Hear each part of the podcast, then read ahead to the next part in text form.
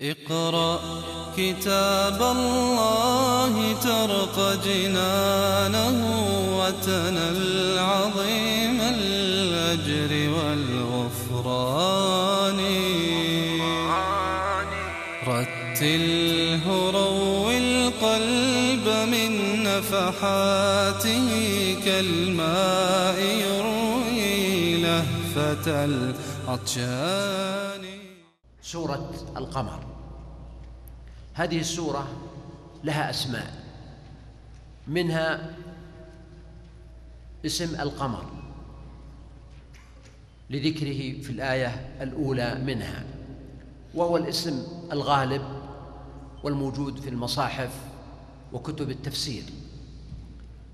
ومن أسمائها سورة اقتربت وقد جاء هذا في حديث زيد رضي الله عنه أن النبي صلى الله عليه وسلم كان يقرأ بسورة اقتربت الساعة وانشق القمر في الفطر والأضحى. وهي سورة مكية عند الجمهور. وقد ورد أن فيها آية مدنية وهي قوله تعالى سيهزم الجمع ويولون الدبر وأنها كانت بمناسبة غزوة بدر. والصحيح أن النبي صلى الله عليه وسلم استشهد بهذه الآية في غزوة بدر.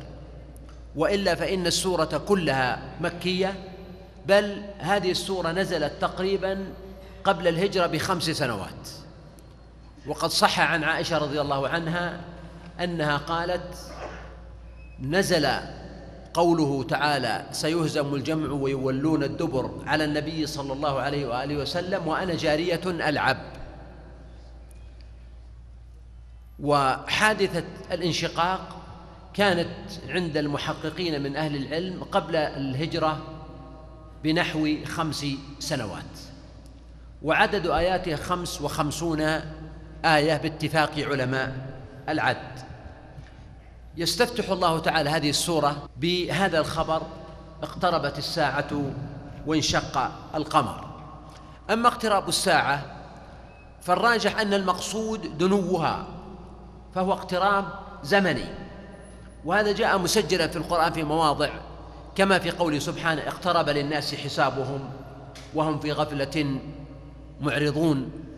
وكما في قوله سبحانه وما يدريك لعل الساعة تكون قريبا. وكذلك قول النبي صلى الله عليه وسلم في الحديث المتفق عليه بعثت أنا والساعة كهاتين. في لفظ إن كادت لتسبقني. فهو إشارة إلى القرب ولا شك أن هناك قربا عاما من حيث أن كل وقت يمضي فهو نوع من القرب للساعة. ولكن النبي صلى الله عليه وآله وسلم هو آخر الأنبياء والمرسلين. ولذلك فكانت بعثته صلى الله عليه وآله وسلم من علامات الساعة الدالة على قربها. وهذا القرب هو قرب عام أيضا من حيث أنه لا يمكن تحديد شيء معين لهذا القرب. ولذلك نقول إن كل الأحاديث التي وردت بتحديد زمن لقرب الساعة فهي أحاديث لا تصح ولا تثبت. وقد ألف السيوطي رحمه الله رسالة سماها الكشف في مجاوزة هذه الأمة الألف وساق فيها أحاديث وروايات تدل على أن هذه الأمة قد تتجاوز ألف سنة. وموضوع نهاية العالم وقرب الساعة من الموضوعات التي تشغل بال الكثير من الناس وقد ينسجون حولها الأساطير والروايات وكل شعوب العالم اليوم تتحدث عما يسمونه بموقعة هرمجدون وهي المعركة بين الحق والباطل. هذا موجود عند النصارى وموجود عند اليهود وعند المسلمين أيضا إشارات وعلامات وأدلة على شيء من هذا القبيل. ولكن هذا لا ينبغي أن يكون أداة لترويج القصص الخيالية ونسج الحكايات الوهمية ولا أن يكون أيضا سببا في عزوف الناس عن مصالحهم وعن تحقيق مقاصدهم. فإن النبي صلى الله عليه وآله وسلم يقول إن قامت الساعة وبيد أحدكم فسيلة فاستطاع ألا تقوم حتى يغرسها فليغرسها فله بذلك أجر. ففي ذلك إشارة إلى أهمية العمل والانغماس فيه والدأب وأنه حتى قرب الساعة إنما المقصود منه حفز الناس على العمل الصالح ومن ذلك أيضا مصالح الحياة الدنيا التي لا يقوم معاشهم إلا بها. أما انشقاق القمر فقد ورد عن الحسن البصري وعطاء أن ذلك يكون يوم القيامة. وقال بعض المفسرين إن هذا قول الجمهور والصحيح أن هذا ليس بقول الجمهور وإنما هو قول محدود لبعض الأئمة وجماهير المفسرين على أن المقصود بانشقاق القمر حادثة وقعت في مكة قبل البعثة حيث طلب المشركون كعادتهم من النبي صلى الله عليه وآله وسلم آية فأراهم الله تعالى انشقاق القمر وأخبرهم النبي صلى الله عليه وسلم أن القمر سوف ينشق ونظر الناس إليه وهو منشق فيه ما يشبه الخسوف في وسطه فرأوه فلقتين. وقال النبي صلى الله عليه وسلم للصحابة اشهدوا كما في حديث ابن مسعود وهو في الصحيح. وجاء هذا المعنى عن جمع من الصحابة كابن عباس وابن مسعود وحذيفة بن اليماني وابن عمر وجمع من الصحابة رضي الله عنهم حتى قال بعض أهل العلم إنه متواتر. والأقرب أنه مستثير يعني مشهور. وقد جاء عن جماعة من الصحابة منهم أناس عاينوه وشهدوه. والأكثرون ممن روي عنهم هذا من الصحابة لم يشاهدوه لأنهم من أهل المدينة أو من الأنصار أو من الذين أسلموا بعد ذلك ولكنهم نقلوه عن بقية الصحابة الذين رأوا هذا المشهد. وهذا ليس بغريب عن القدرة. وإذا كان هذا يمكن أن يحدث يوم القيامة أو في أي وقت فما الذي يمنع أن يحدث هذا في زمن النبي عليه الصلاة والسلام؟ أما كيفيته وماهيته فهذا مما لا نعلمه. الذي نعلمه أن الناس شهدوا القمر وقد حصل له انشقاق أو خسوف في وسطه بمعنى أن القمر أصبح عبارة عن فلقتين وهذا كافي في تحقيق الآية. ولا ينبغي أن يشغب على ذلك بقضية مثلا إذا كان القمر انشق طيب الناس في الأمصار والفلكيون والمؤرخون لماذا لم يذكروا هذه الحادثة وهي حادثة ضخمة؟ فنقول إن الزمن يتغير يعني القمر يكون طالعا على مكة وفي بلاد أخرى يكون هذا في آخر الليل أو يكون في نهار فلا يشاهدونه أو يغفلون عنه أو قد يكون الانشقاق للحظة واحدة ليست طويلة بحيث تتوفر الدواعي على حضورها. وأما تسجيل الفلكيين لها فقد يكون الله تعالى أجرى هذا الانشقاق بطريقة لا يعني يتأثر بها جرم القمر ذاته بحيث يكون القمر انفصل ثم عاد ولكن الناس شهدوا هذا الخسوف. كما أن الخسوف نفسه يحدث والمعروف أن الخسوف هو أن القمر هو انعكاس لأشعة الشمس وإلا فالقمر هو جرم معتم مظلم. فما نراه من النور في القمر هو انعكاس لأشعة الشمس. فلو حال بين الشمس وبين القمر شيء لخسف القمر أو أو كسف القمر انكسف القمر. ومن ذلك عملية الانشقاق التي ذكرها الله عز وجل. فيكون الله تعالى أجرى هذا الانشقاق على الصفة التي يعلمها ولا يعجز قدرة الله تعالى شيء. قال سبحانه وإن يروا آية يعرضوا ويقولوا سحر مستمر.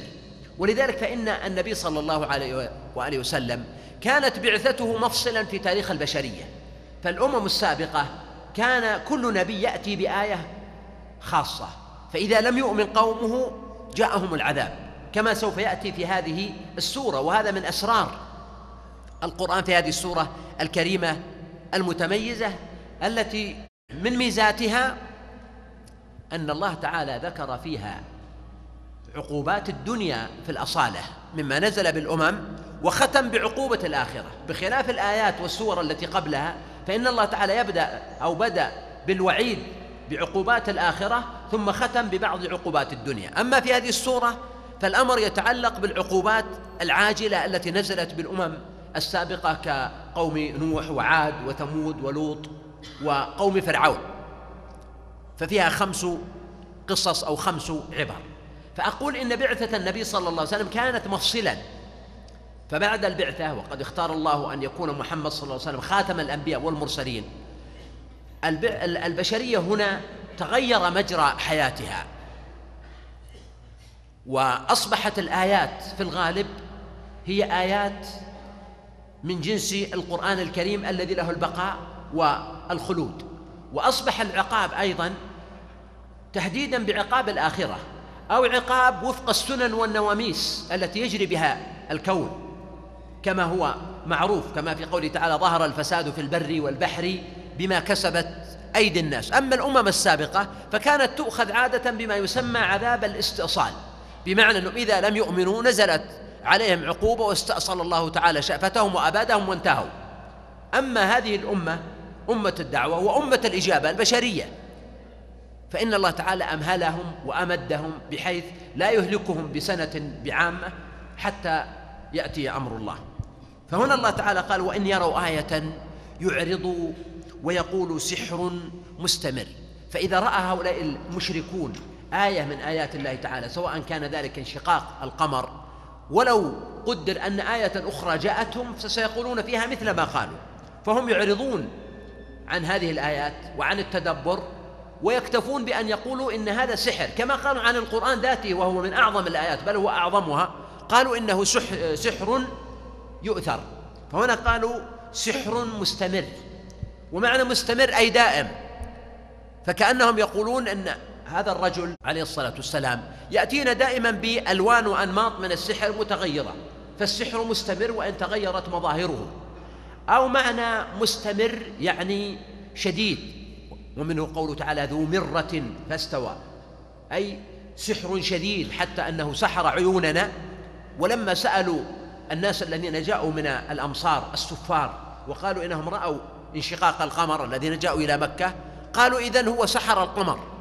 فهذا سحر مستمر عظيم حتى وصل به أن سحر القمر وأثر على هيئته. وكذبوا واتبعوا أهواءهم وكل أمر مستقر. فهم يكذبون بالرسل ويكذبون بالآيات ويتبعون أهواءهم. إن يتبعون إلا الظن وما تهوى الأنفس. وكل أمر مستقر.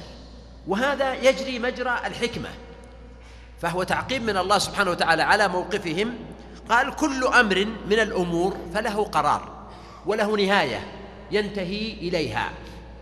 فالحق نهايته إلى البقاء والخلود والتمكين والباطل نهايته إلى الزوال والفناء كما قال سبحانه فأما الزبد فيذهب جفاء وأما ما ينفع الناس فيمكث في الأرض. وكما قال سبحانه لكل نبأ مستقر.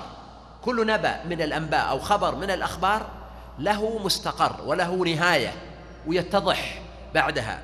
فقوله هنا وكل أمر مستقر هذا مجرى السنة الإلهية ومجرى الحكمة ومجرى المثل فيما يتعلق بالحق أو بالباطل أو بغيرها من الأمور. قال الله وهذا طبعا تنبيه للناس. ألا يغتروا بالظواهر ولا يستعجلوا. سأريكم آياتي فلا تستعجلون فإن من طبيعة البشر الاستعجال. لماذا لا يحدث هذا؟ ولماذا يحدث هذا؟ وهم بحكم جبلتهم يرون باطلا ينتشر فيدعون الله تعالى أن يزيله ويرون حقا أحيانا يتأخر فيدعون الله تعالى أن ينصره. وهم متعبدون بهذا الإحساس وبهذه الروح وبهذا الدعاء. ولكن الله سبحانه وتعالى يريد من الناس مع هذا الدعاء الذي تعبدوا به أن يكون عندهم إيمان بالحكمة الإلهية واختيار الله سبحانه وتعالى والتوقيت الرباني وما نؤخره إلا لأجل معدود. اقرأ كتاب الله ترق جنانه وتنل عظيم الأجر والغفران.